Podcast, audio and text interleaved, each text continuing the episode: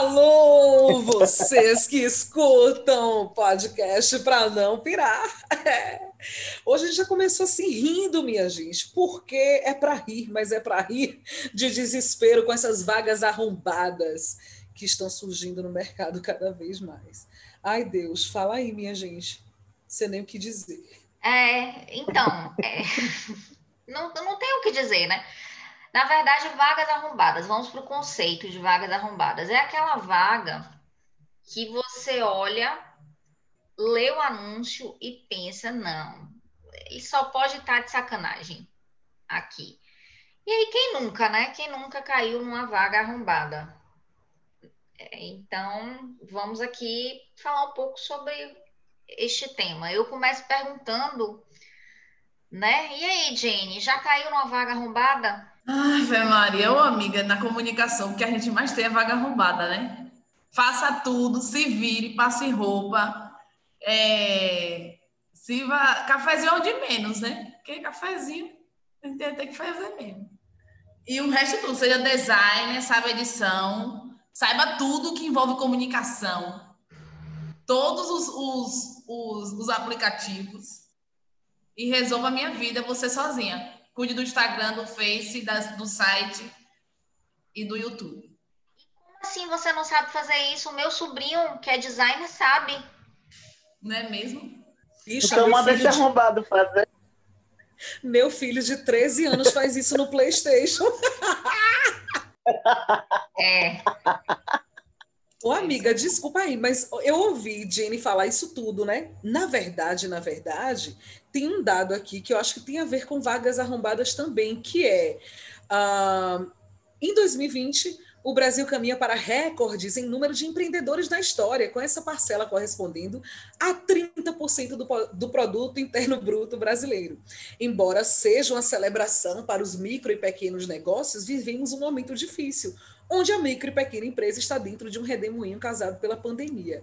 Como é que isso se relaciona a vagas arrombadas, gente? Quer dizer, na verdade, é ausência total, eu vejo assim, né, de vagas decentes que empurram a pessoa a empreender por si só e a pessoa está lascada de todo jeito.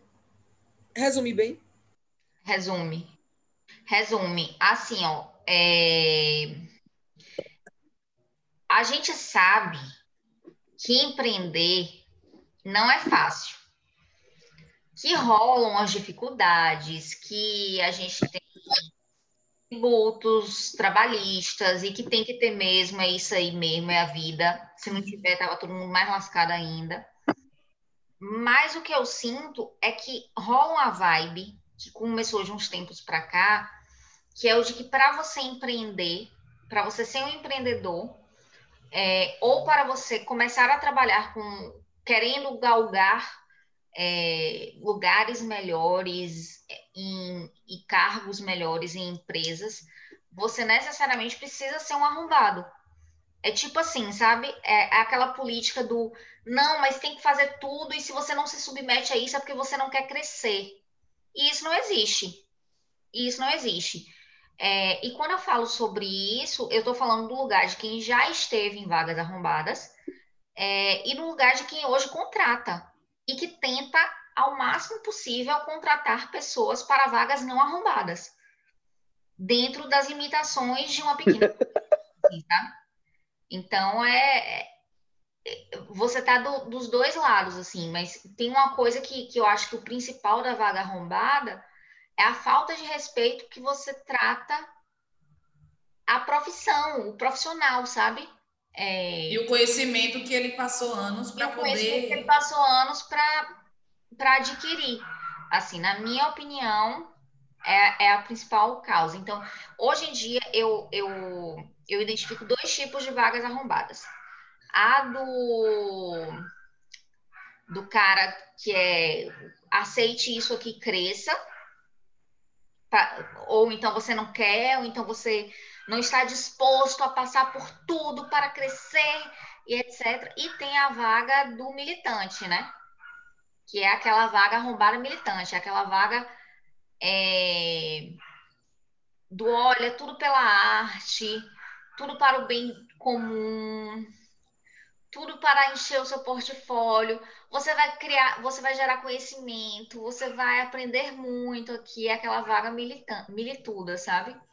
Assim. Que muitas ONGs e muitas, muitos coletivos gostam de oferecer. Adoram, né? adoram. A famosa parceria. Na hora que oferece parceria. O que é que agora você falou aí do, do né, que cresça, não sei o que. Não vamos esquecer o papel dos coaches nessa putaria aí. Porque, vou falar mal mesmo. Porque, velho, esse negócio desses coaches. Ó, eu vou dar um exemplo. Vou dar um exemplo. Eu tenho uma conhecida que é, é da minha área de história. E ela não fez porra nenhuma na área de história. E do nada a menina virou coach. E dizendo para as pessoas empreenderem o que elas devem fazer da vida dela. A criatura não conseguiu fazer nada da vida dela, da própria vida. E está né, fazendo coach com os outros, dizendo o que os outros devem fazer. O que ela não fez. Durma enquanto ele não faz não sei o quê. Estude enquanto ele não sei o quê. Morra, né? Desgraça. Enquanto todo mundo se diverte. Que o papel. Porque, assim, eu acho que tem, tem trabalhos de coach sério e tal, que são raros. Né? Até agora o que eu vejo é muita picaretagem mesmo. E essa, essa conversa fiada de que ah, para você crescer, você não está, você não está se empenhando, você não está, a, a pessoa está se matando no trabalho. É um papo né? de meritocracia, né? Porque é arrombada mesmo. É um papo é? de meritocracia, que é um papo de meritocracia mesmo, né? Que você só não está bem como Isso. você deve, queria porque você não, não fez o suficiente. É. Não fez o suficiente. Quando na verdade não é bem isso, né? Não é bem isso. A, a o próprio coach está lá que está lá se matando porque não fez nada da vida dele, está querendo ensinar o que é, é para fazer da sua vida, né? Já, ou então o bonito já, já tem lá, nasceu em berço de ouro, a família tem uma puta de uma, de uma empresa, né? E está lá fazendo, tem mil coisas, mil, mil cursos, fez mil cursos, fez não sei quantas, teve acesso a uma série de coisas que uma partezinha pequenininha da população tem, e o filho da puta tá lá dizendo, ah, durma, é, é, estude enquanto ele durma, corra enquanto ele vai, vai se lascar. Eu acho que esse negócio de coach é uma palhaçada. Acorde às 5 da manhã, né? E, e deixa o negócio fazer... do milagre, a noite do é. do milagre. É. E deixa eu dar uma complementada de nada aqui. Cá entre nós, quando a gente fala de acesso a oportunidades no Brasil, eu acho que é, é, preciso, já que Jenny citou meritocracia, eu acho que o principal é a gente entender que neste país escravocrata, né, de, de herança escravo, escravocrata, número um, não se valoriza o trabalho dos outros. Isso é, isso é ponto de partida. Número dois é a patota e a panela é muito bem formada, gente. Eu vou dizer assim, eu não posso citar nomes porque seria mas eu me deparei com N profissionais que eram assim, me perdoem, mas você fala assim, gente, essa pessoa está no cargo de gerência, essa pessoa está no cargo de coordenação, de diretoria, de essa pessoa não tem condições de fazer uma interpretação básica de texto, mas era filho de não sei quem, mas era afilhado de não sei quem, mas era, percebe? E isso não foi um, dois, três empregos, não, foram vários trampos por onde eu passei, aonde pessoas extremamente competentes, dedicadas, que tinham, Michele, ralado para fazer esses mil cursos que você diz, pessoas que ralam, que tiram da onde não tem, que tira assim, ó, de comer pão seco a semana inteira, que não vai comprar nem a mortadela, porque o dinheiro não sobra, que é para fazer aquele cursozinho extra, que é para jogar duro. E essa pessoa estaria, estaria jogando duríssimo nesse cargo de gerência, mas ela não tem acesso, ela não tem oportunidade, porque esses cargos que pagam melhor e que têm uma melhor carga horária mesmo, por assim dizer, né? Infelizmente, é, só é olhar, gente. Não precisa de muita coisa, não. Só observar assim, ó. Quem, é, é irmão de quem? É filho de quem? É não sei o que lá de quem? Você começa a costurar principalmente esses cargos de gerência, aonde a pessoa só precisa supervisionar os resultados dos outros, sabe? Porque aí ela bota uma pressão escrotíssima em cima dos seus. É, como é que se diz assim? É, sub. Eu não sei nem a expressão que eles usam. Dos seus subordinados, subordinados porque fazer isso eles sabem, né? Botar pressão em cima dos outros e jogar a culpa de qualquer coisa em cima dos outros.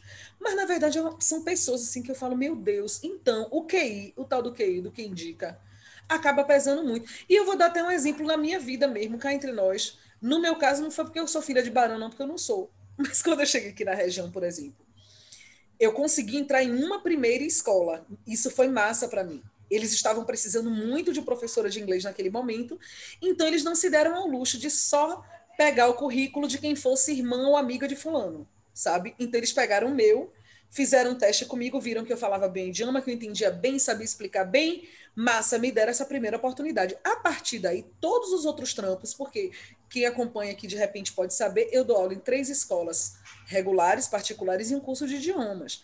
Então, por causa desse primeiro, as pessoas foram me conhecendo e a partir daí foi indicação, bem. Porque assim, poxa, eu precisando de uma professora de inglês. Vocês, claro, é óbvio, é óbvio que o dono de escola vai perguntar para os seus profissionais que são bons.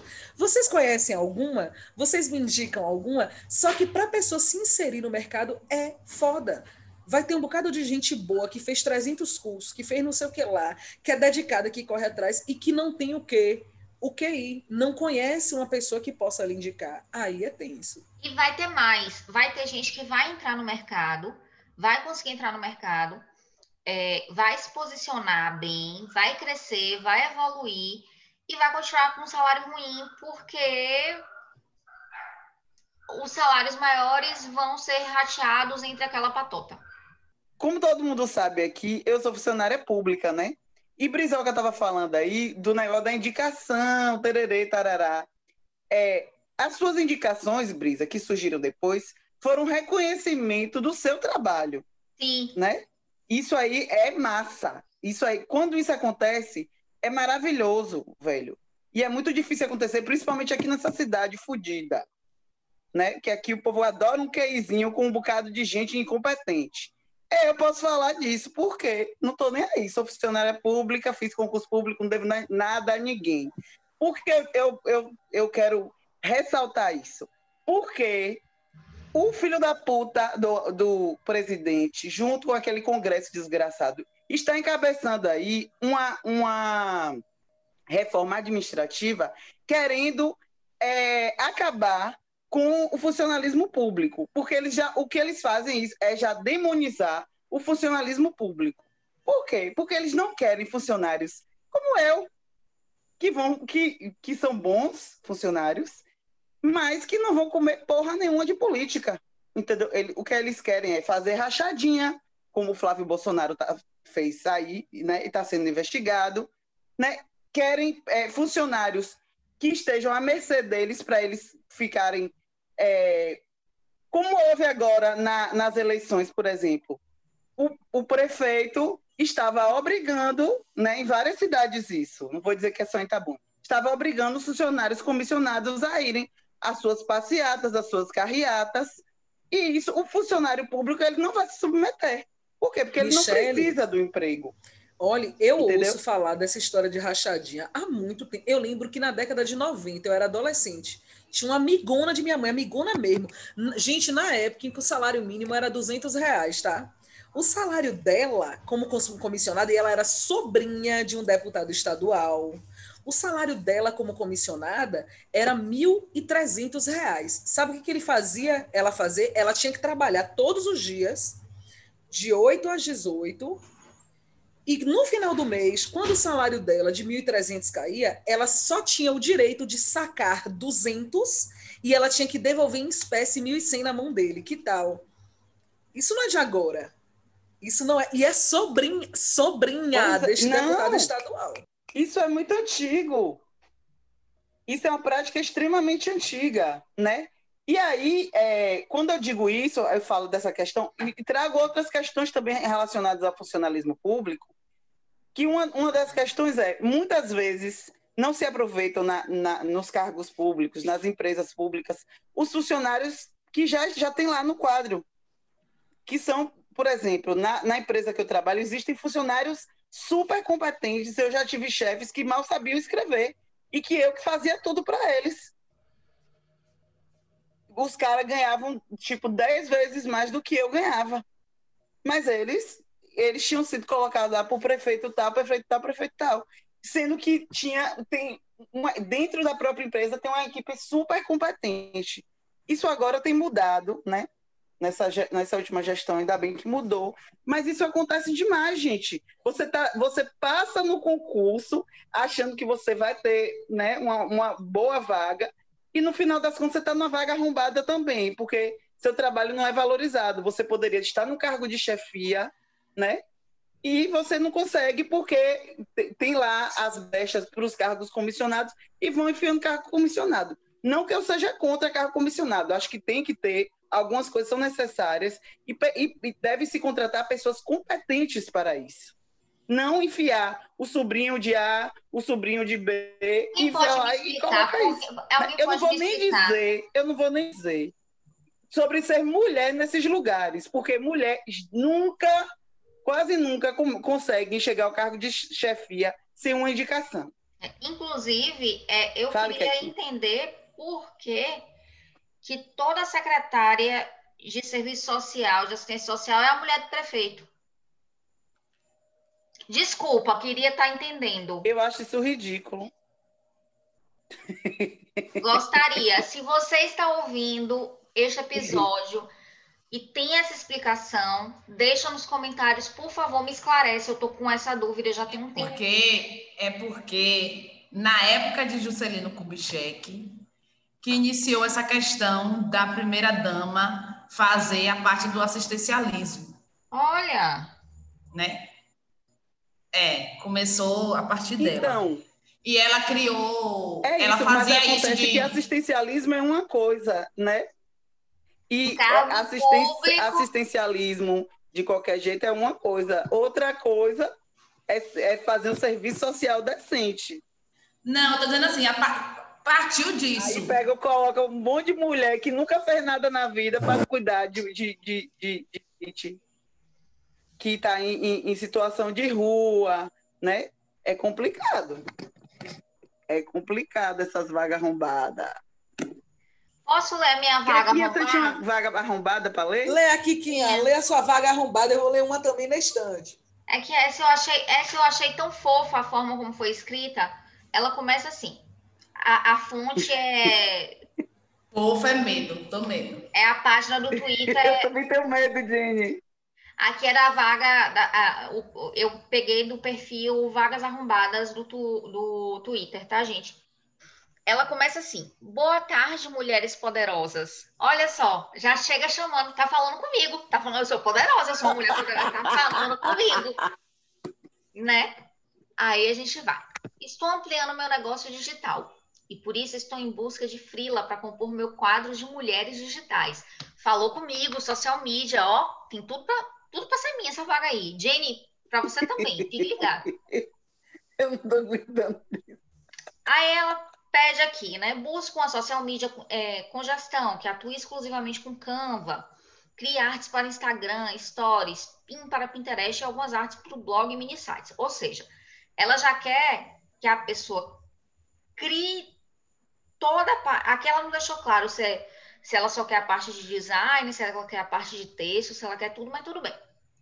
É artes para campanhas pagas. Estou ampliando meu negócio de forma estratégica. Então, quero uma profissional novata e focada.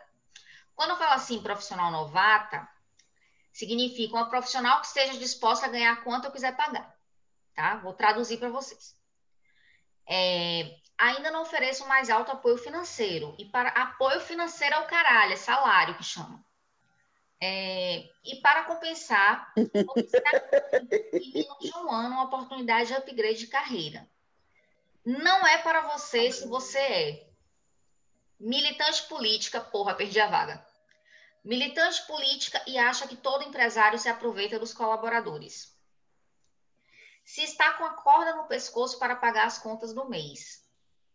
Se acha que o dinheiro é tudo e não tem vontade de crescer como profissional. Perceba aí a coisa do coach, tá? É, é porque você tem que ter um propósito, é, né? Olha o coach, filha da puta aí. E olha só, é, é porque eu, vocês não estão vendo, mas cada um desses itens está pontuado com um coraçãozinho rosa, gente. E tem, não é para você também se você inveja outras mulheres e nunca cresce. Agora, essa vaga é para você que quer crescer junto com a empresa, tem sede de aprender e ama desafios, tem alta astral e vibe positiva, é mulher e aplaude outras mulheres que crescem e se destacam. Me manda seu portfólio e vamos crescer juntas. Quer dizer, lá que alguém para aplaudir Ou lá, seja, é uma vaga com sororidade, né? lá, É, lá. só não Gente. serve se for militante político. Só não serve se for militante política. E se tiver com a corda no pescoço. Eu mesmo já tava lascada aqui, porque eu tô com a corda no pescoço. Bicha, sem comentários. Eu achei uma vaga arrombada aqui que se reporta a mim, gente, que eu, eu citei a Men English Teacher, trabalho como professora. Graças a Deus, nenhuma das minhas quatro vagas são arrombadas. Eu tô igual o pai do Chris. Mita vai virar e vai dizer: minha esposa tem quatro empregos, querido. Vai fazer a Rochelle na estante. Mas tudo bem, porque o meu marido também tem três empregos. Então tá tudo certo. Casa de professor é assim, gente. Cada um tem dois, três, quatro empregos. Mas vamos lá. Essa daqui eu achei o suco, o suco da família tradicional paulistana, porque começa assim. Família tradicional paulistana, mas isso poderia estar acontecendo aqui na Bahia. Procura professora barra empregada. Opa, tá. Do sexo feminino para auxiliar nos serviços domésticos. Ele quer uma professora para auxiliar nos serviços do- domésticos. E nas horas livres, dar classes às crianças da casa. Eita! É imprescindível inglês fluente, pois as crianças só conversam em inglês. Aí você espera o quê? Uma babá de Gabi, não sei o que lá, aquela mulher blogueira, 15 mil reais, não. A bolsa é uma bolsa, não é um salário. Uma pessoa que é formada, é professora, tá? A bolsa é um salário mínimo, mais refeições na ala dos empregados. Essa pessoa terá descanso dominical a cada três semanas, ou seja, trabalha três domingos, folga só um. E ela precisa ter senso de hierarquia social. Agora, que caralho é hierarquia social? Deixa eu falar, deixa eu falar. Sabe quem tem uma vaga assim? Sabe quem, quem, quem é dono dessa. Quem, sabe quem é que essa família tá, tá, tá contratando para substituir? O Alfred, o mordomo do Batman, ele fazia exatamente tudo isso. Gente, Tá, mas ele devia ganhar uns 20 mil dólares, amiga. Um, mil reais e 45, não. não, amiga, mas mesmo assim, para cuidar do Batman, quanto dinheiro o Batman tem? Não, acho escroto. Acho escroto. Alfred foi vítima de vagas arrombadas. Mordomo do Batman é uma vaga Pô, arrombada? mas essa de hierarquia social aí é foda, viu? Gente, Esse hierarquia negócio de hierarquia social, social. aí é a cara do Brasil, velho. É a cara do Brasil. É a cara É, do, do- Ele tá do- dizendo assim, da, da mentalidade Xoxuá. escravista. xoxuá cada macaco no seu galho e hashtag você se plante, sabe do seu lugar. É exatamente. É, é Gente, acho que É não, não é para ser tão difícil, né? Você entender que se você precisa do trabalho daquele ser humano para o seu negócio dar certo ou a sua casa funcionar, não importa aonde você está empregando. Se você precisa da mão de obra de um ser humano, você precisa valorizar. É uma pessoa que cresceu, estudou igual a você. Talvez não igual a você. Ah, eu tenho doutor. Beleza, velho, mas estudou. Mas também tem a caminhada dela na vida, tem as vivências dela, tem a sabedoria dela, tem a- a- o profissionalismo dela. Aí você quer dizer que isso aí é nada. Assim, eu, eu fico embasbacada com esse tipo de coisa. Ou, por exemplo, é, me perdoe, viu, mas eu fui a um dentista, um certo dentista aqui em Itabuna, lá pelo mês de junho ou julho, eu precisei ir ao dentista e ele falou assim para mim: e aí, já pegou com relação à corona? Eu falei: não, eu estou em isolamento, tal, só vim porque eu precisava ir no dentista. Aí ele fez assim. Não, minha, mas o negócio é pegar logo. Minha babá mesmo, ele tem uma filha de dois anos. Aí eu já comecei a ficar chocada de ele não ter liberado a babá.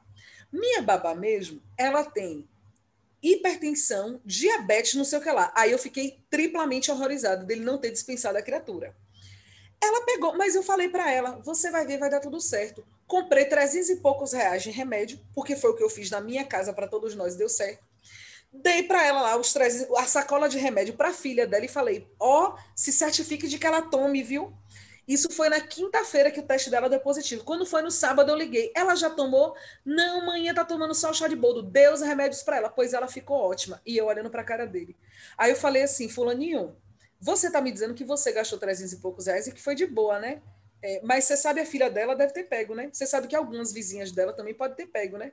Você sabe que no bairro inteiro dela você pode ter desencadeado uma nova, uma epidemia, porque você achou que vocês não tinham braço para cuidar do seu filho. Falei rindo, porque vocês não tinham braço, né, para cuidar do filho de vocês de dois anos. Quer dizer, uma pessoa, você não tem um mínimo de consideração.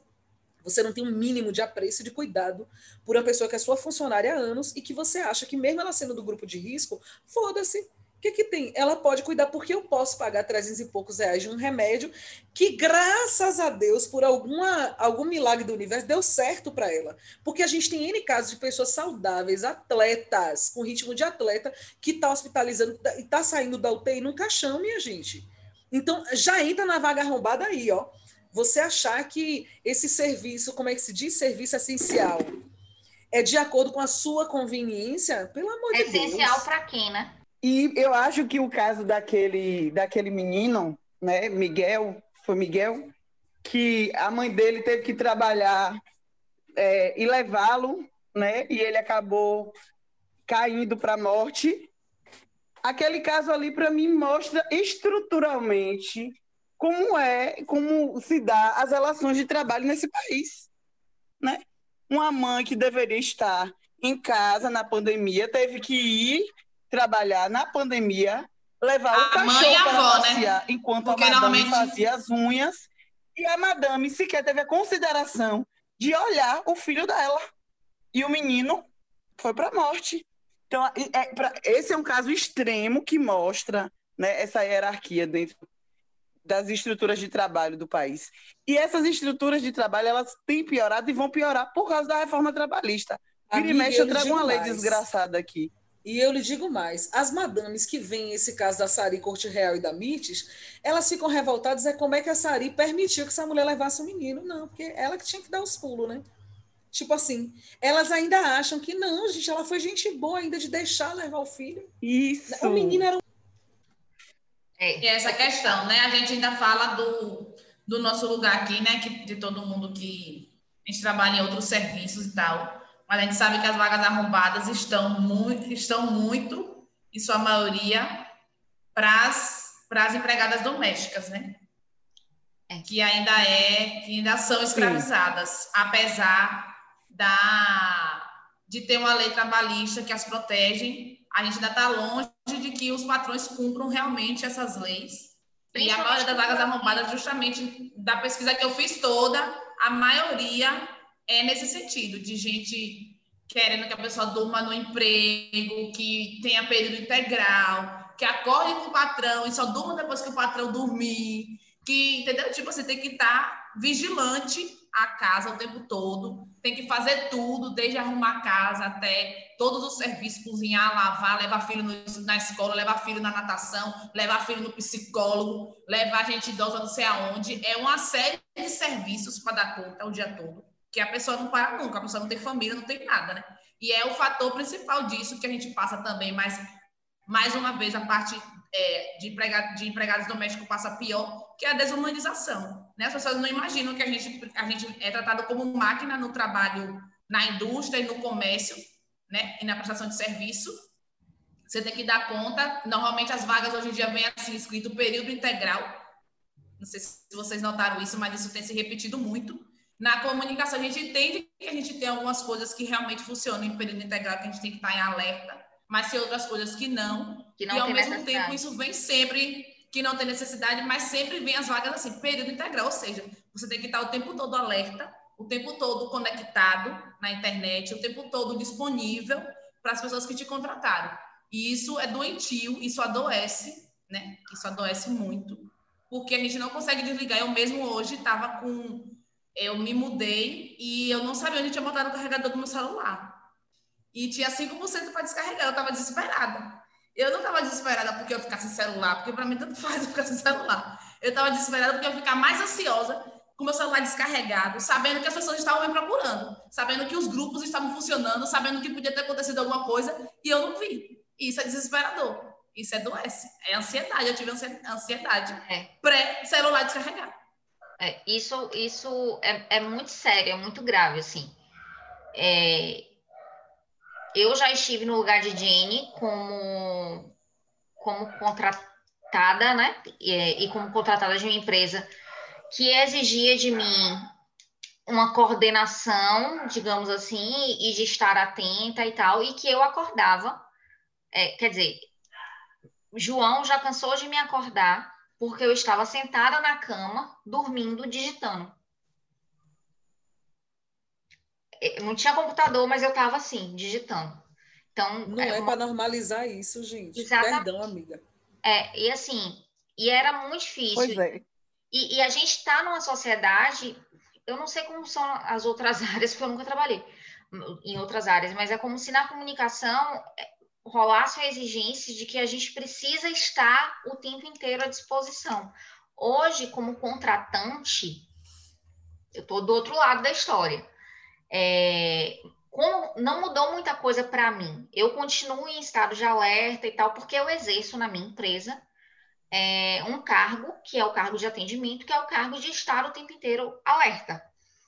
Mas, assim, é, eu já entendi que ninguém morre se ficar sem uma resposta no sábado à noite.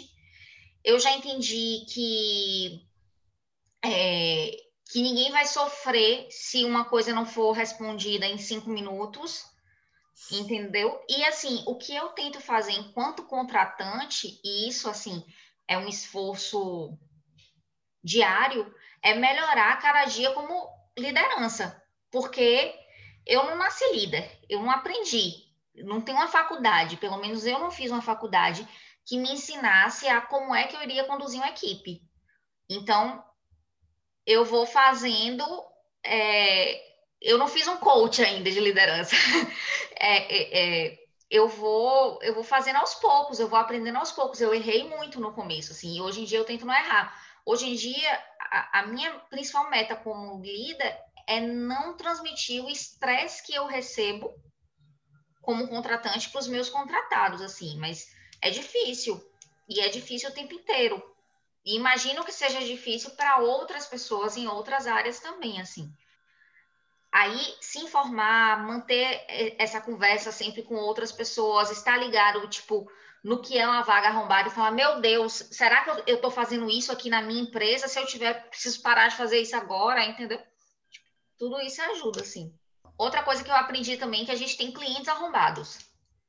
E aí, graças a Deus, que como empresa, eu e meu sócio, a gente já consegue vislumbrar um cliente arrombado. Então, quando ele vem de lá para cá, a gente nem. Sabe como você fala? Eu já ouvi um, um, maluco que falou assim: ah, mas. É, um cliente que falou para mim: ah, mas isso tudo aí que vocês estão me oferecendo, espero. Ele queria o maior plano que a gente tinha na agência. É, e aí a gente passou o preço, o orçamento, né? Ele falou: não, mas isso daí tem um rapaz que faz por 150 reais. Aí eu não aguentei e eu respondi: olha, então fecha com esse rapaz. Fecha agora, porque o preço tá ótimo, é uma oportunidade. Assim, eu o, o preço da gente é esse, por quê? Porque a gente faz curso todo ano, a gente é formado, a gente tem uma equipe, a gente tem folha de pagamento e tal. E, sinceramente, 150 reais, se eu cobrar para você isso, eu vou estar tá me prostituindo. E, infelizmente, eu ainda não cheguei nesse nível. Falei. Falei. E acabou, e acabou. Clientes arrombados também. Ó, gente, o tempo. Oh, eu já estive nessa condição de não ter como dizer não para vaga arrombada é, quando eu estava começando é, a dar aula, eu, meu filho era pequeno, mãe solo, eu não tinha, assim, eu pegava tudo que aparecia. Teve, eu lembro de uma das vagas arrombadas que eu peguei, que eu tinha que ir para Teolândia, dar aula em Teolândia, um sábado inteiro, 10 horas de aulas, assim, uma atrás da outra, só tinha um, um almoço, o horário de almoço, de, de uma hora, e é, eu acho que eu ganhava, não sei se era sete reais a hora aula, dez reais a hora aula, não sei. Mas era assim, eu tinha que ir, ir à noite, dormir em Gandu, pegar uma Kombi, ir para a Teolândia, dar 10 horas de aula e voltar, cobrar, o co... porque era um curso, cobrar a, o valor do curso, voltar com o dinheiro na mão, dentro desse ônibus, ou seja, correndo risco E eu peguei, porque eu não tinha como dizer não. Eu estava numa fase da vida assim que eu não tinha como dizer não. Ao mesmo tempo, eu estava em uma outra escola que pagava super mal a hora-aula, é, atrasava o pagamento. Essa escola, inclusive, já me pagou com cheque é, pré-datado de pai de aluno, que quando eu fui ver era sem fundo. Puta que pariu, né? Quando você está numa situação dessa, se submetendo, tendo que se submeter a isso, porque você precisa sustentar seu filho. É foda, velho. Eu, a gente precisa dar uma atenção especial para um pessoal aí, né? Que se diz workaholic, que é o povo que se diz viciado em trabalho. Ah, eu estou no trabalho porque eu gosto de trabalhar, eu gosto muito de trabalhar, e tererê, tererê. Eu tenho um problema com essas pessoas, porque assim, as pessoas que geralmente falam isso são as pessoas exploradas ou que se deixam explorar, né? Que às vezes nem tem necessidade disso e nem percebe dizem que, que gostam e são viciados em trabalho. Porque o que acontece é o capitalismo, né? E as, e as relações escravistas e, e da, do pós-abolição colocaram na cabeça das pessoas, da sociedade como geral, que a gente tinha que trabalhar. Essa coisa do o trabalho enobrece o homem, né? É, engrandece o homem, tarará. Isso aí, minha amiga, isso aí não é só da boca para fora, não. Isso aí foi um discurso é, muito empenhado para fazer com que as pessoas trabalhassem e aceitassem qualquer coisa. E aí vem essa coisa do, a, do workaholic, né? Aquela pessoa que fala de trabalho, que trabalha final de semana, que uma coisa é você estar, por exemplo, como Brisa está, em pandemia, e, e, tem, e tem que trabalhar, tem que dar conta de quatro escolas e não sei o que, tem que trabalhar. Outra coisa é você já atingir um nível né, de, na, na carreira que você tem, pode descansar, pode é, é, fazer outras coisas, e você dá prioridade sempre ao trabalho, em detrimento da sua família, do seu lazer senta na mesa de bar, vai falar de. Eu tenho um amigo que já tem uma carreira super ótima na academia, né? mas ele vive inventando trabalho e ele vive arrumando trabalho para os outros e ele só fala de trabalho. Você senta no bar para conversar com ele, para dar uma relaxada. Você pensa, vou relaxar agora. O filho da puta vem e fala de trabalho. E diz, workaholic, eu sou, eu sou workaholic, eu gosto muito de trabalhar. Eu gosto de trabalhar, meu amigo, mas eu gosto de me divertir também. Você não é orcaholic. Você é otário. É otário. É isso que você é. É, velho. Michelle, é te amo. Na moral. Você não é orcaholic, você é um otário. Ó, deixa, deixa eu em minha defesa, já que você citou minhas quatro escolas, beijos para o Colégio Divina Providência, para a Escola Carrossel, para o Colégio Batista de Tabuna e para o curso de Jovens Wizard. Não estão necessariamente patrocinando ou para não pirar. Mas, Mas poderiam, poderiam, hein? Poderiam, hein, amores? Ó, o negócio Mas é o se seguinte. quiserem. Quando eu falo das quatro escolas, claro que gera demandas diferentes. E, claro, eu sempre digo que eu amo o meu trabalho, porque eu amo o meu trabalho. É, amo ser professora e tudo. Porém, Michel, nas minhas relações de trabalho, graças a Deus, eu não sei se eu nasci com a bunda virada com a, a lua, como diz o povo, mas de verdade, de verdade, existe um respeito, existe uma admiração. Eu percebo isso de forma recíproca tanto de minha parte com relação às minhas coordenações e minhas direções, como deles, e eles dizem isso para mim. Brisa, te vejo assim, poxa, aquele projeto que você fez e tal e tal. E eu sei, tenho noção da importância que cada professor tem na escola. Agora, já que a gente está falando de workaholism, por exemplo, ano passado chegou um momento em que eu fiquei doente. Por quê? Algum empregador meu chegou e disse que eu tinha que assumir projetos extras na escola? Não eles chegam e falam, gente, a gente está querendo fazer um projeto com peça, com isso, com aquilo. Quem pode? Ô, oh, filha, a, bicha aqui canta, gosta de escrever, quer dizer, é a minha cara. Aí que eu assumi projetos nas três escolas particulares sem seu curso, né? Nas três. E, tipo assim, todas iam estrear no espaço de dez dias, velho.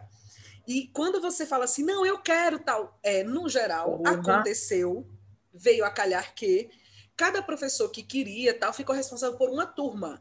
Então veja aí, você ficar com uma turma de 30 e poucos alunos de sexto ano para dar conta de roteiro, figurino, é, ensaiar esses meninos, decidir música, fechar coreografia com a pessoa que fazia coreografia para eles, absolutamente tudo, tudo, recados que ia para os pais com relação a figurino, isso num sexto.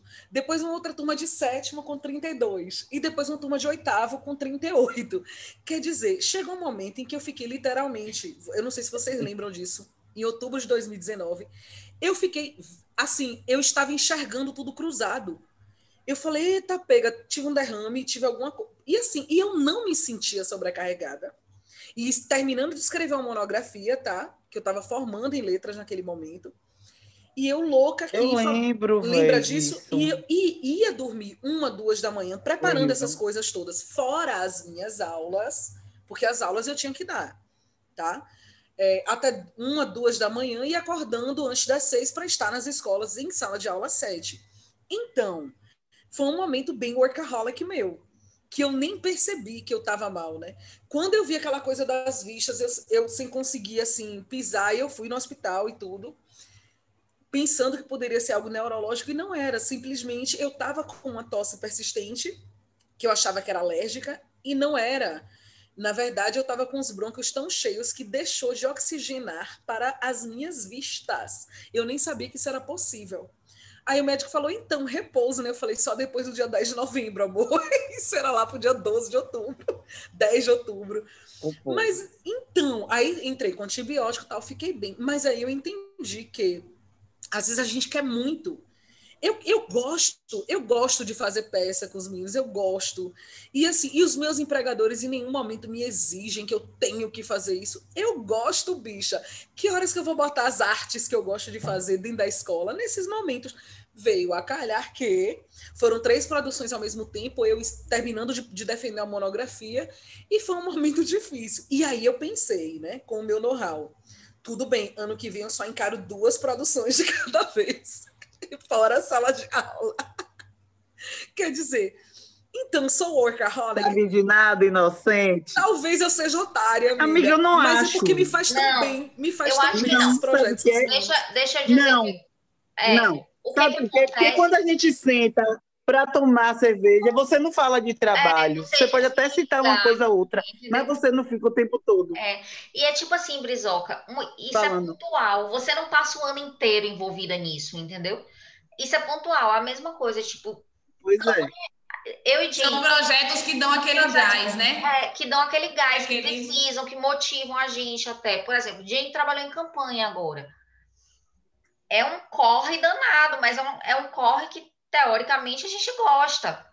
É, é legal quem É trabalha de divertido, é divertido. Campanha é divertida. divertido. Bicha, vocês gostam? Ai, meu Deus, é muita Já coisa. trabalhei em É. campanha, É filho. uma Eu gostava. é tipo uma gincana, Brisa. E É, é, é. de vez em quando eu tenho, de vez em quando eu tenho um- um- uns jobs assim, tipo uns projetos muito legais de uns clientes que são massa e tal e que me demandam, me demandam que eu trabalhe fora do horário, que eu acompanhe gravação de noite, de madrugada, que eu escreva roteiro, que eu faça várias coisas que às vezes nem tá no meu escopo de trabalho, mas que para eu ver acontecer e realizar, eu vou lá e faço. Mas isso são coisas pontuais, eu não vivo minha vida nesse gás. Mas eu já fui otária, como diz Michele, já fui.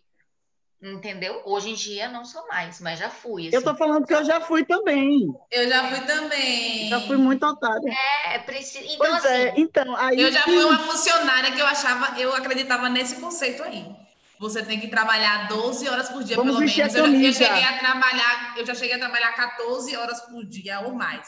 Eu já cheguei do trabalho três ou duas da madrugada e já voltei pro trabalho às sete da manhã. Achando Então, assim, lindo, achando que tava fazendo a melhor coisa. Olha como eu sou foda fazendo isso. Sou maravilhosa. Eu boto esse negócio para rodar. Entendeu? Eu O sou. punk, Então, bebê, é preciso estar atento e forte. Porque o capitalismo quer que a gente se, se transforme nisso aí. Né? né? Essa máquina É de moer isso. gente aí É. quer que lascar com a gente. Não, ninguém quer. Ninguém não pensa que ninguém vai reconhecer o trabalho. Ah, ó, que foda. Ela foi dormir duas da manhã, sete horas da manhã, ela já está aqui. Porra nenhuma, tá cagando para você, não vai lhe dar nenhum aumento. Então nós. faça o seu trabalho bonitinho e E aí você não descanse, tem tempo porque realmente de a gente está não. trabalhando feito louco porque a gente está no Essa é capitalismo. Como é? Você não tem tempo de ter saúde, ter uma vida dessa, não. É isso que ia dizer. Não tem, não, pô. O dinheiro que você gasta, você gasta, que você ganha, perdão, com esses extras, você gasta tudo em remédio, pô. Não vale a pena, não, gente. E não vale a terapia. pena. Então, assim, meu, conselho- meu conselho para encerrar este episódio bonito é: façam terapia, bebam água e não deixem chefes arrombados arrombarem a vida de vocês. Este é o meu conselho. Meu, Meu levo para a vida é- de hoje. Perdão, eu já falar, meu levo para a vida de hoje é Alfred é, estava numa vaga arrombada. É, é, o meu, Pronto. exatamente, o meu, o meu também. Faço, faço minhas as palavras de Brisa. Alfred, coitado, alguém precisa salvar o Alfred daquela casa, porque é muito escrotidão, velho. É uma vida inteira de serviço. O Batman já é adulto, o Batman E já tem? Alfred? 40 anos. Alfred já é um senhor, ele não aposenta, não. Aposentadoria para Alfred já, É, antes da reforma da Previdência. Jenny, e o seu levo pra vida? O meu levo para a vida é: se você está aprendendo seu xixi, você está numa vaga arrombada. Boa. É verdade. É verdade. A gente precisa ir no banheiro quando sente vontade de fazer xixi. Isso é obrigatório, gente. É o primeiro sinal que você vai ficar com a sua saúde debilitada. Então, bebam água bastante e façam vão no banheiro bastante. Porque naturalizaram que funcionário não vai ao banheiro, né? Bicha, essas É, lembrando empresas- que tem vaga arrombada aí que, que, que tem 15 minutos para ir no banheiro, X minutos de banheiro. Tem vaga Duas arrombada. aí. vezes, duas vezes a cada não sei Vida. quanto tempo. É, é louco. É, E o É seu, isso. bicha, qual é o seu levo para a vida? o meu levo para vida, né? Já que eu saí dessa vida de vaga arrombada, é eu, eu, eu às vezes fico me cobrando muito. Eu sempre converso isso com Brisa. De, porra, Brisa, como é que você dá conta disso? Como é que você dá conta daquilo?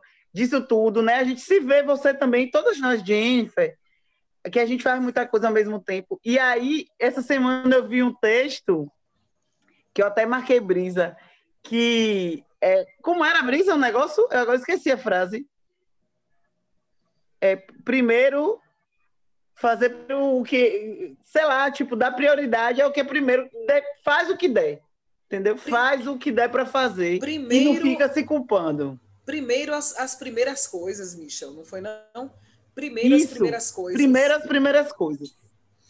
É para a gente não dar conta de tudo. A gente não vai dar conta de tudo. Não, e eu, Eu- não quero mais. Eu acho que eu, eu não quero eu- mais dar conta de tudo. eu vivo mais ou menos assim. Eu até te comentei isso, prima, lá na postagem. Porque, de fato, ah, tem várias demandas. Sim, tem. Aí vai as prioridades. E se chega no final do dia e não dei conta, eu vou dizer, ô amigo, sinto muito, não dei conta. Eu não me culpo. Isso é um fa... Eu não me culpo de ter deixado pendência. Eu falo assim, ô, velho, eu sinto muito de verdade. Seria culpo, tão bom se eu pudesse ter feito, mas que pena que eu estava fazendo outras coisas que eram minha prioridade no momento e não deu, parceiro. Sorry. Eu não me culpo, não. Sim, Então- e meu outro levo para a vida que tem a ver, tudo a ver com isso foi uma coisa que você me disse que sua mãe falou para você. Que aquela parada, né, de quando o avião tá caindo, você primeiro tem que colocar o oxigênio em você para depois colocar no outro. Então, você que é mãe ou que pretende ser mãe, ou que tem- cuida de alguém, de outras, né, primeiro cuide de você. Coloque o oxigênio primeiro em você para depois você colocar no outro, porque senão você vai se fuder e vai fuder todo mundo. É isso. Beijos. Beijos. Então tá, tchau. Beijo, Beijos, gente. beijos, Tchau, galera. bebê.